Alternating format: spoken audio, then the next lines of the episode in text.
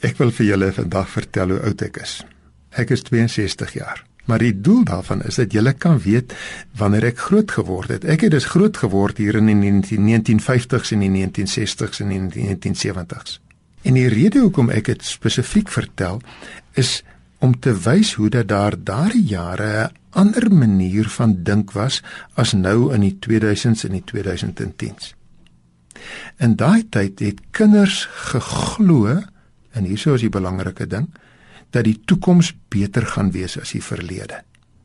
Ons het groot geword met die gedagte dat vooruitgang gaan alles beter word maak. Ons gaan ryker word. Oorloë is verby. Slim mense gaan al ons probleme oplos.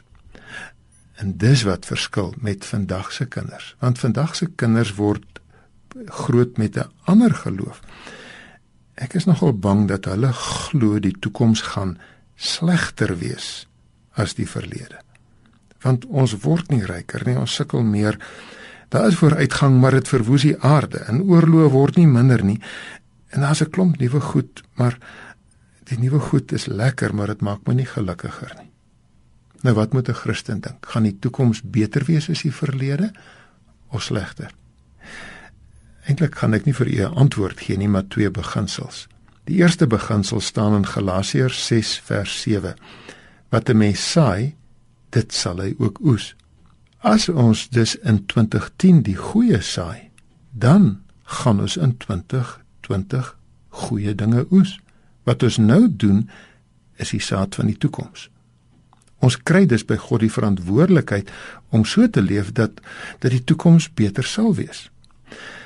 Maar die toekoms sal slegter wees as ons nou sleg saai. As ons selfsugtig leef, die aarde verwoes, in roof en steel en sonder morele waardes lewe.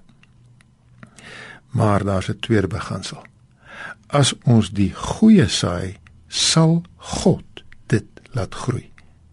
Weet jy ons onderskat die groeikrag wat God aan die goeie gee. Ek het al dit by plante gesien. 'n Graspol breek partykeer 'n teerpad so sterk groei hy. En God gee daai graspol vir my as boodskap. God gaan die goeie wat ons as Christene nou doen, laat vrug dra en deurbreek deur die slegte. God gaan die toekoms mooi maak. En as jy vir my vra hoe, dan sê ek deur sy kinders wat die goeie doen en saai. Maar die groot gevaar vir 2020 is Christene se moedeloosheid. 2020 gaan slegter wees as nou as Christene opgee en niks probeer doen nie. In die waarskuwing staan in Galasiërs 6 vers 9: Laat ons dan nie moeg word om goed te doen nie. Want as ons nie verslap nie, sal ons op die bestemde tyd ook die oes insamel. En ek vra dus vir jou in Jesus naam, help plant vandag die goeie sodat die toekoms beter as die verlede sal wees.